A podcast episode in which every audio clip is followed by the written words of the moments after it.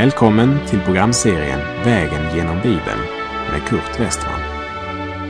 Vi befinner oss nu i Andra Korintierbrevet. Slå gärna upp din bibel och följ med. Programmet är producerat av Norea Radio Sverige. När vi nu har kommit i Andra Korinthierbrevets tionde kapitel så har vi därmed kommit till den sista huvuddelen av Andra Korinthierbrevet. Och vi kommer att lägga märke till att det är en helt annan ton som präglar de fyra sista kapitlen. Första delen, kapitel 1-7, handlade om det kristna livet. Andra delen, kapitel 8 och 9, handlade om kristet givande. Och kapitlen 10 till och med 13 handlar om kristen vaksamhet. Och här förändras tonen så pass mycket att många kritiker har hävdat att det här är början på det tredje brevet. Låt mig öppet säga att jag kan inte acceptera en sån teori. För förklaringen till att brevet ändrar form är nog en helt annan. Som vi minns från första Korinthierbrevet så var församlingen i Korint en kluven, en splittrad församling. Och när Paulus först skrev till dem sa han i första Korinthierbrevet 1.11 Av dem som hör till Kloes familj har jag nämligen fått veta om er, mina bröder, att det förekommer stridigheter bland er. Majoriteten av församlingen respekterade Paulus auktoritet som apostel, medan en minoritet vände sig mot honom och motsatte sig hans auktoritet. Och det ser ut som om han i de första nio kapitlen riktar sig till majoriteten. Och i kapitlen 10, 11 och 12 riktar han sig till minoriteten. Och förändringen Ja, den är lika stor som från dagsljus till mörker. Vi läser i Andra Korinthierbrevet 10, verserna 1 och 2.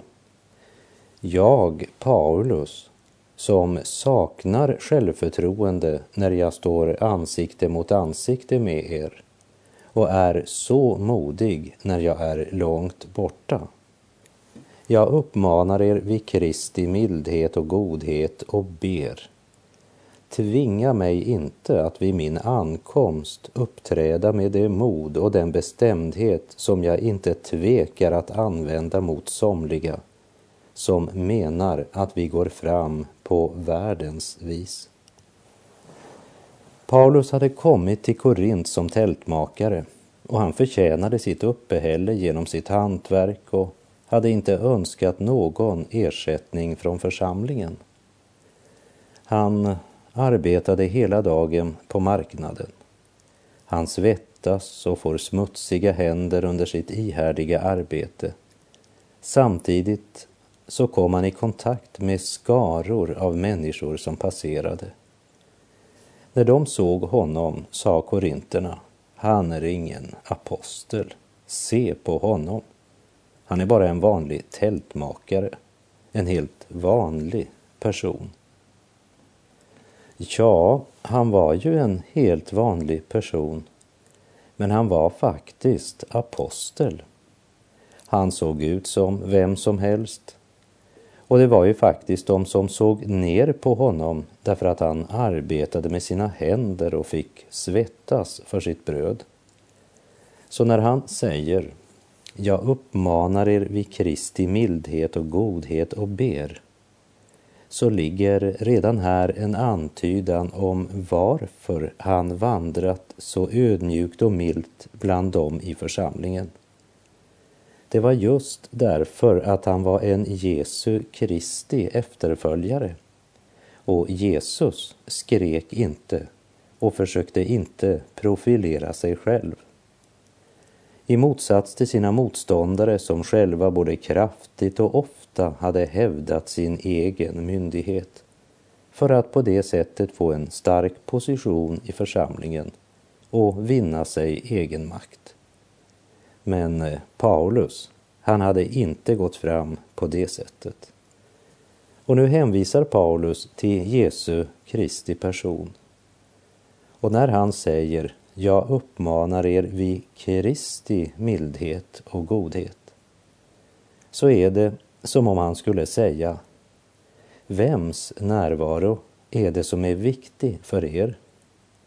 För Paulus var inte något speciellt att se på. Han var ingen stjärna. Bara en helt vanlig man som sydde tält. Men eh, även om han levde mitt i världen så stred han inte på denna världens vis. Kristus är alla sanna apostlars Herre.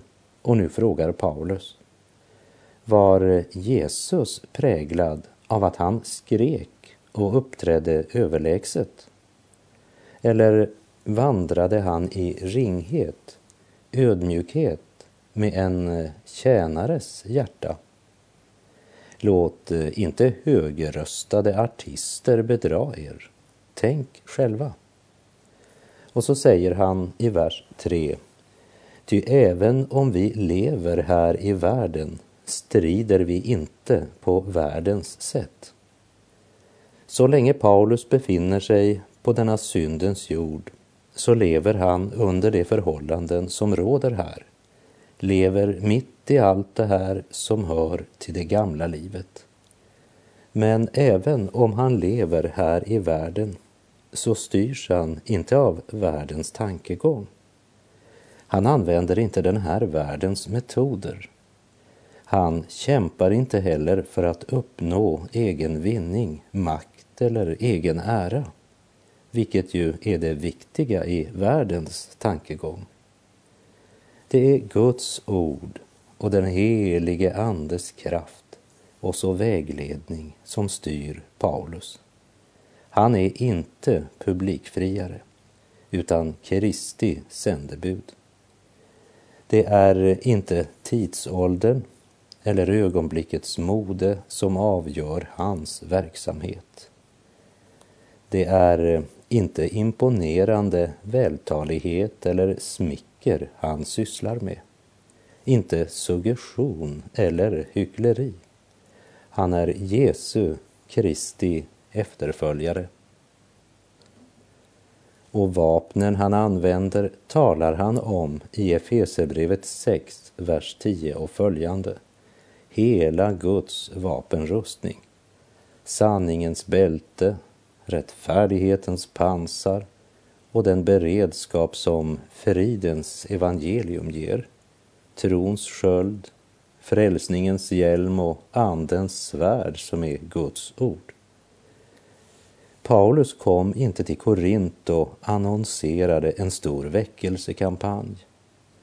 Han kom inte heller med någon miljökampanj eller med någon politisk underton, men med Andens svärd som är Guds ord. Eller som han uttryckte det i de fem första verserna av Första Korinterbrevets andra kapitel. När jag kom till er bröder var det inte med stor vältalighet eller hög visdom som jag predikade Guds hemlighet för er. Jag hade nämligen bestämt mig för, när jag var hos er, att inte veta av något annat än Jesus Kristus och honom som korsfäst. Svag, rädd och mycket orolig kom jag till er och mitt tal och min predikan bestod inte i ord som skulle övertyga genom mänsklig visdom, utan genom en bevisning i ande och kraft. Vi ville inte att er tro skulle bygga på människors visdom, utan på Guds kraft.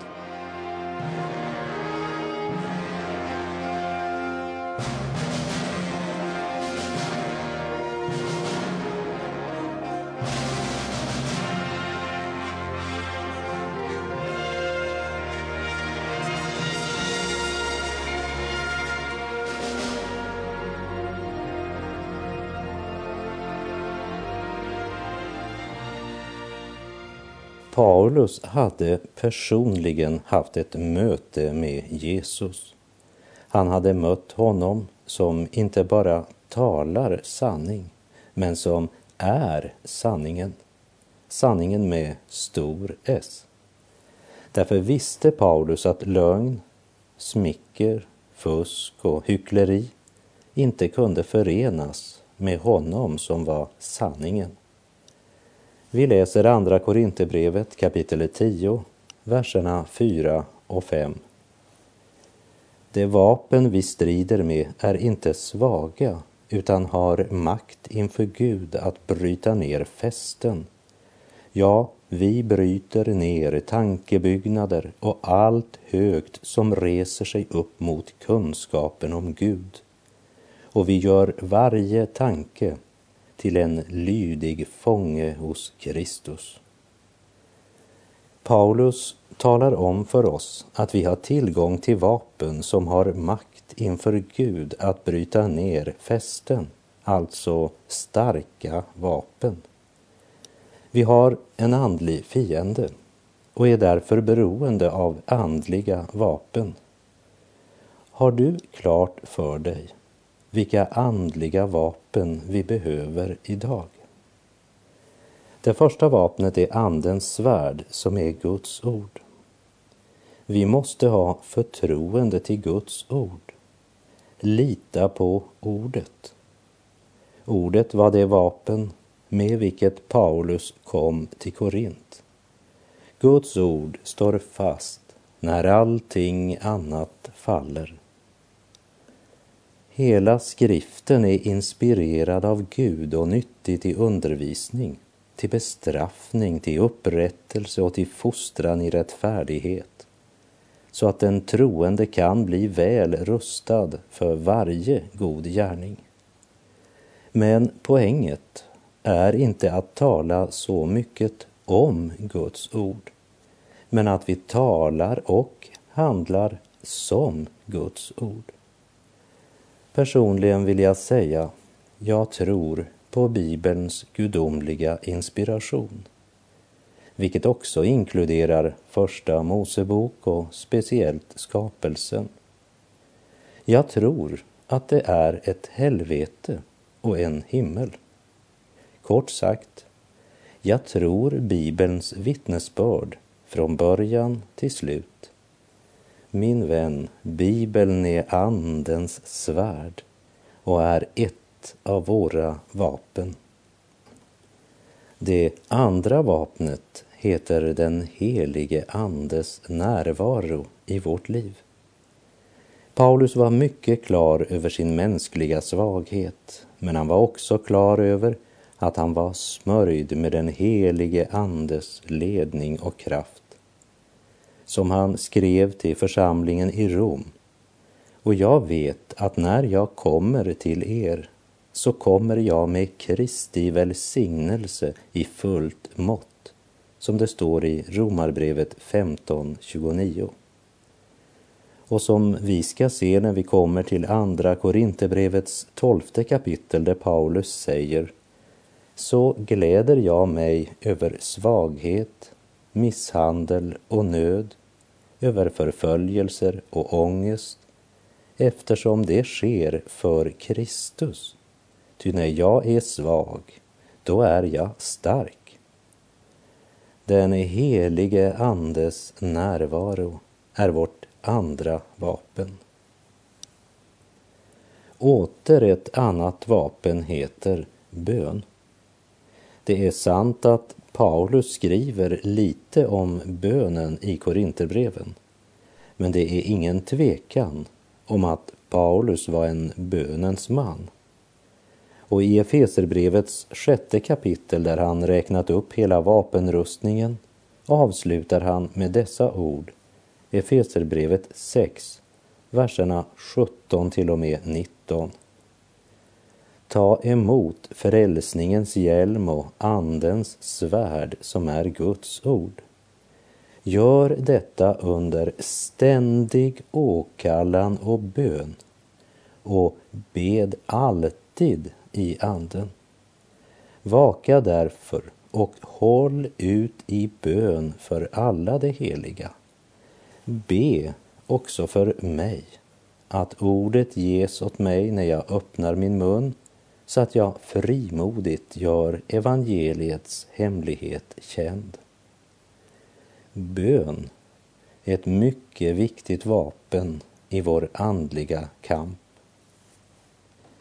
I den andliga striden har de som strider med Kristus framgång. När jag säger det så säger jag inte att de vunnit segern. Segern är Guds, men han har vunnit den för oss. När vi har framgång i vår gärning så går all ära till Gud. Som det står i Första Korinterbrevet 15, vers 57. Men Gud var ett tack som ger oss segern. Hur? Jo, genom vår Herre Jesus Kristus. I Första Korinthierbrevet 15, 57 och 58 möter vi Guds därför i vårt arbete. Men Gud vare tack som ger oss segern genom vår Herre Jesus Kristus. Var därför fasta och orubbliga, mina älskade bröder och arbeta alltid hängivet för Herren eftersom ni vet att ert arbete i Herren inte är förgäves.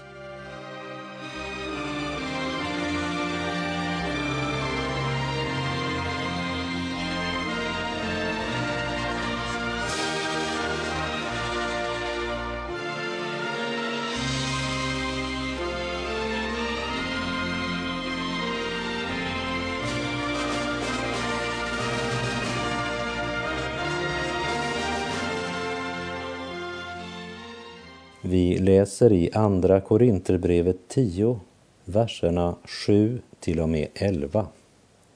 Se vad som ligger i öppen dag, om någon är övertygad om att han tillhör Kristus. Då skall han ha klart för sig att liksom han tillhör Kristus, så gör också vi det. Ja, Även om jag skulle berömma mig ännu mer av den makt som Herren har gett oss för att bygga upp och inte för att bryta ner er, så skulle jag inte behöva skämmas.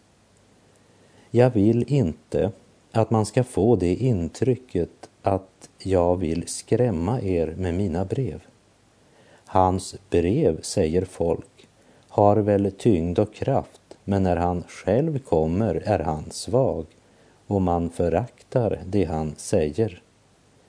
Den som påstår det ska veta att sådana vi är i ord i våra brev när vi är frånvarande, sådana är vi i handling när vi är hos er. Av det samlade intryck som Nya testamentet ger så var Paulus inte någon person som imponerade genom sin mäktiga kroppsbyggnad. Inte heller var det i mänsklig vältalighet eller i hans personliga utstrålning hans styrka låg. Se vad som ligger i öppen dag, skriver han till dem. Det vill säga, om ni bara ser till det yttre, se då på hela bilden. Se hur jag har färdats bland er. Se på frukten av mitt arbete. Ni är ju också själva en frukt av att jag har förkunnat Jesus för er. Jag är ju församlingens grundläggare. Då kan ni ju inte i Jesu namn svika mig och ge ert stöd till mina motståndare. Och när Paulus nu går vidare kan vi inte undgå att märka ett eh, stänk av humor.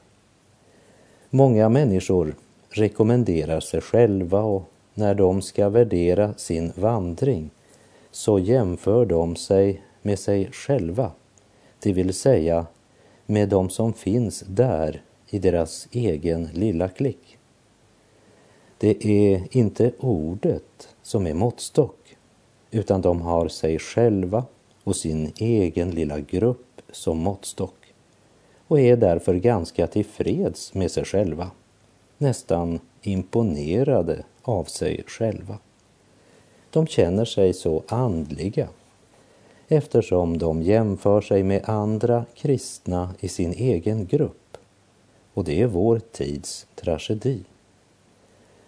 En broder eller systers hjärta kan kallna utan att han eller hon märker det eftersom de jämför sig själva med andra kalla kristna som omger dem.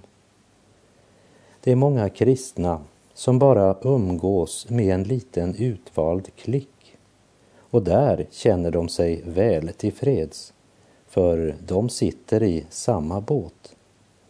Nej, säger Paulus, hur skulle vi våga jämföra oss med dessa självutnämnda auktoriteter som talar med sådan säkerhet och som med självtagen auktoritet anklagar Guds enkla vittnen. Vi läser vidare i Andra Korinthierbrevet 10, verserna 12 till och med 14 och det citatet läser jag ur NT 81.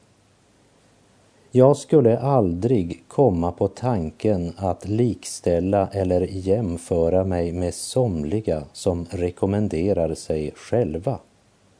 De är oförståndiga nog att mäta sig med sig själva och jämföra sig med sig själva. Men när jag berömmer mig gör jag det inte måttlöst utan använder den måttstock som Gud har tilldelat mig. Att jag skulle nå fram ända till er. Om jag inte hade kommit ända till er, då hade jag verkligen överdrivit min insats. Men nu var jag den förste hos er med evangeliet om Kristus. Församlingen i Korint anklagade Paulus för att han var så ovillig att besöka dem.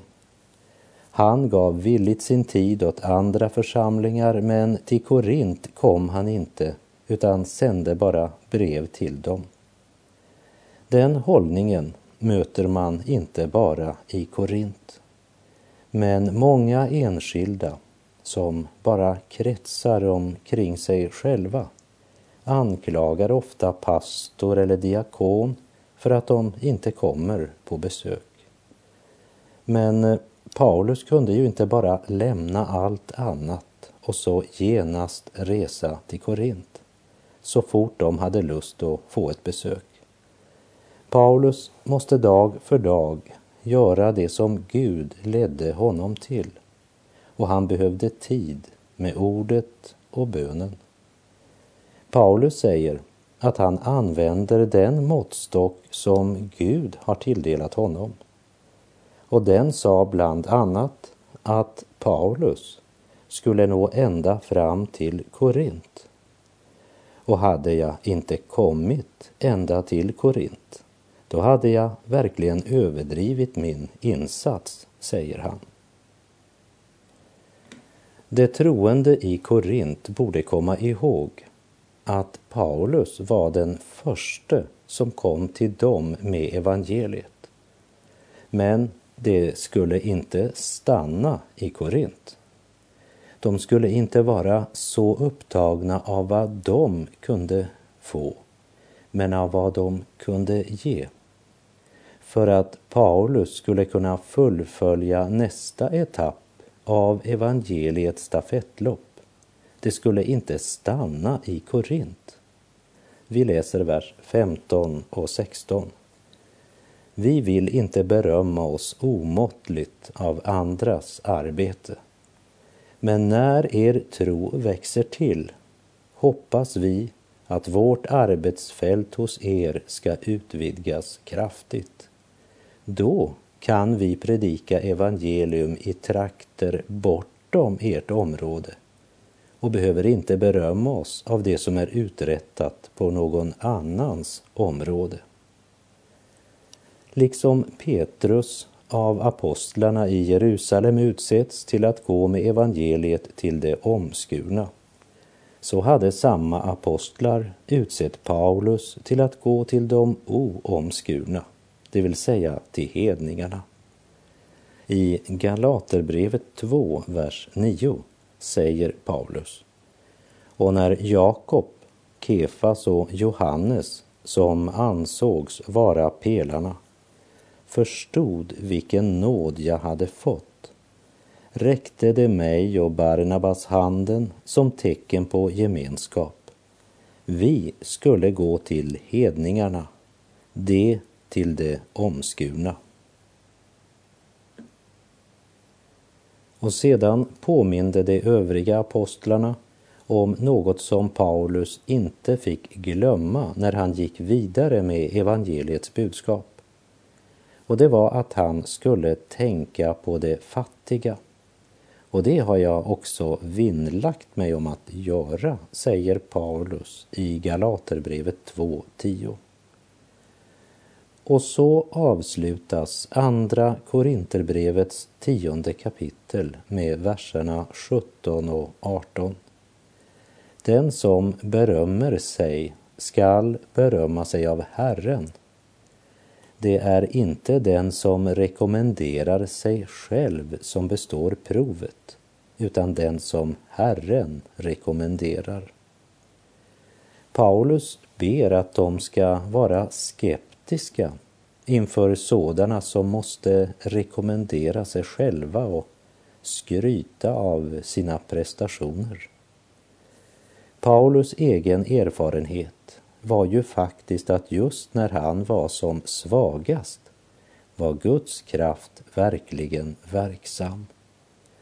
Därför varnar han för att sätta sitt hopp till egen styrka och till de möjligheter som grundar sig på denna världens sätt att tänka.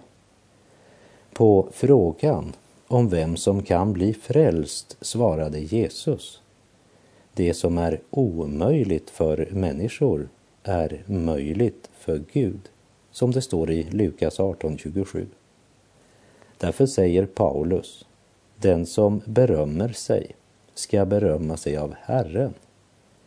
Det är inte den som rekommenderar sig själv som består provet, utan den som Herren rekommenderar. Och med det så är vår tid ute för den här gången. Jag säger på återhörande om du vill. Herren vare med dig. Må hans välsignelse vila över dig. Ingenting är omöjligt för Herren. Beröm dig av honom, ty han är god.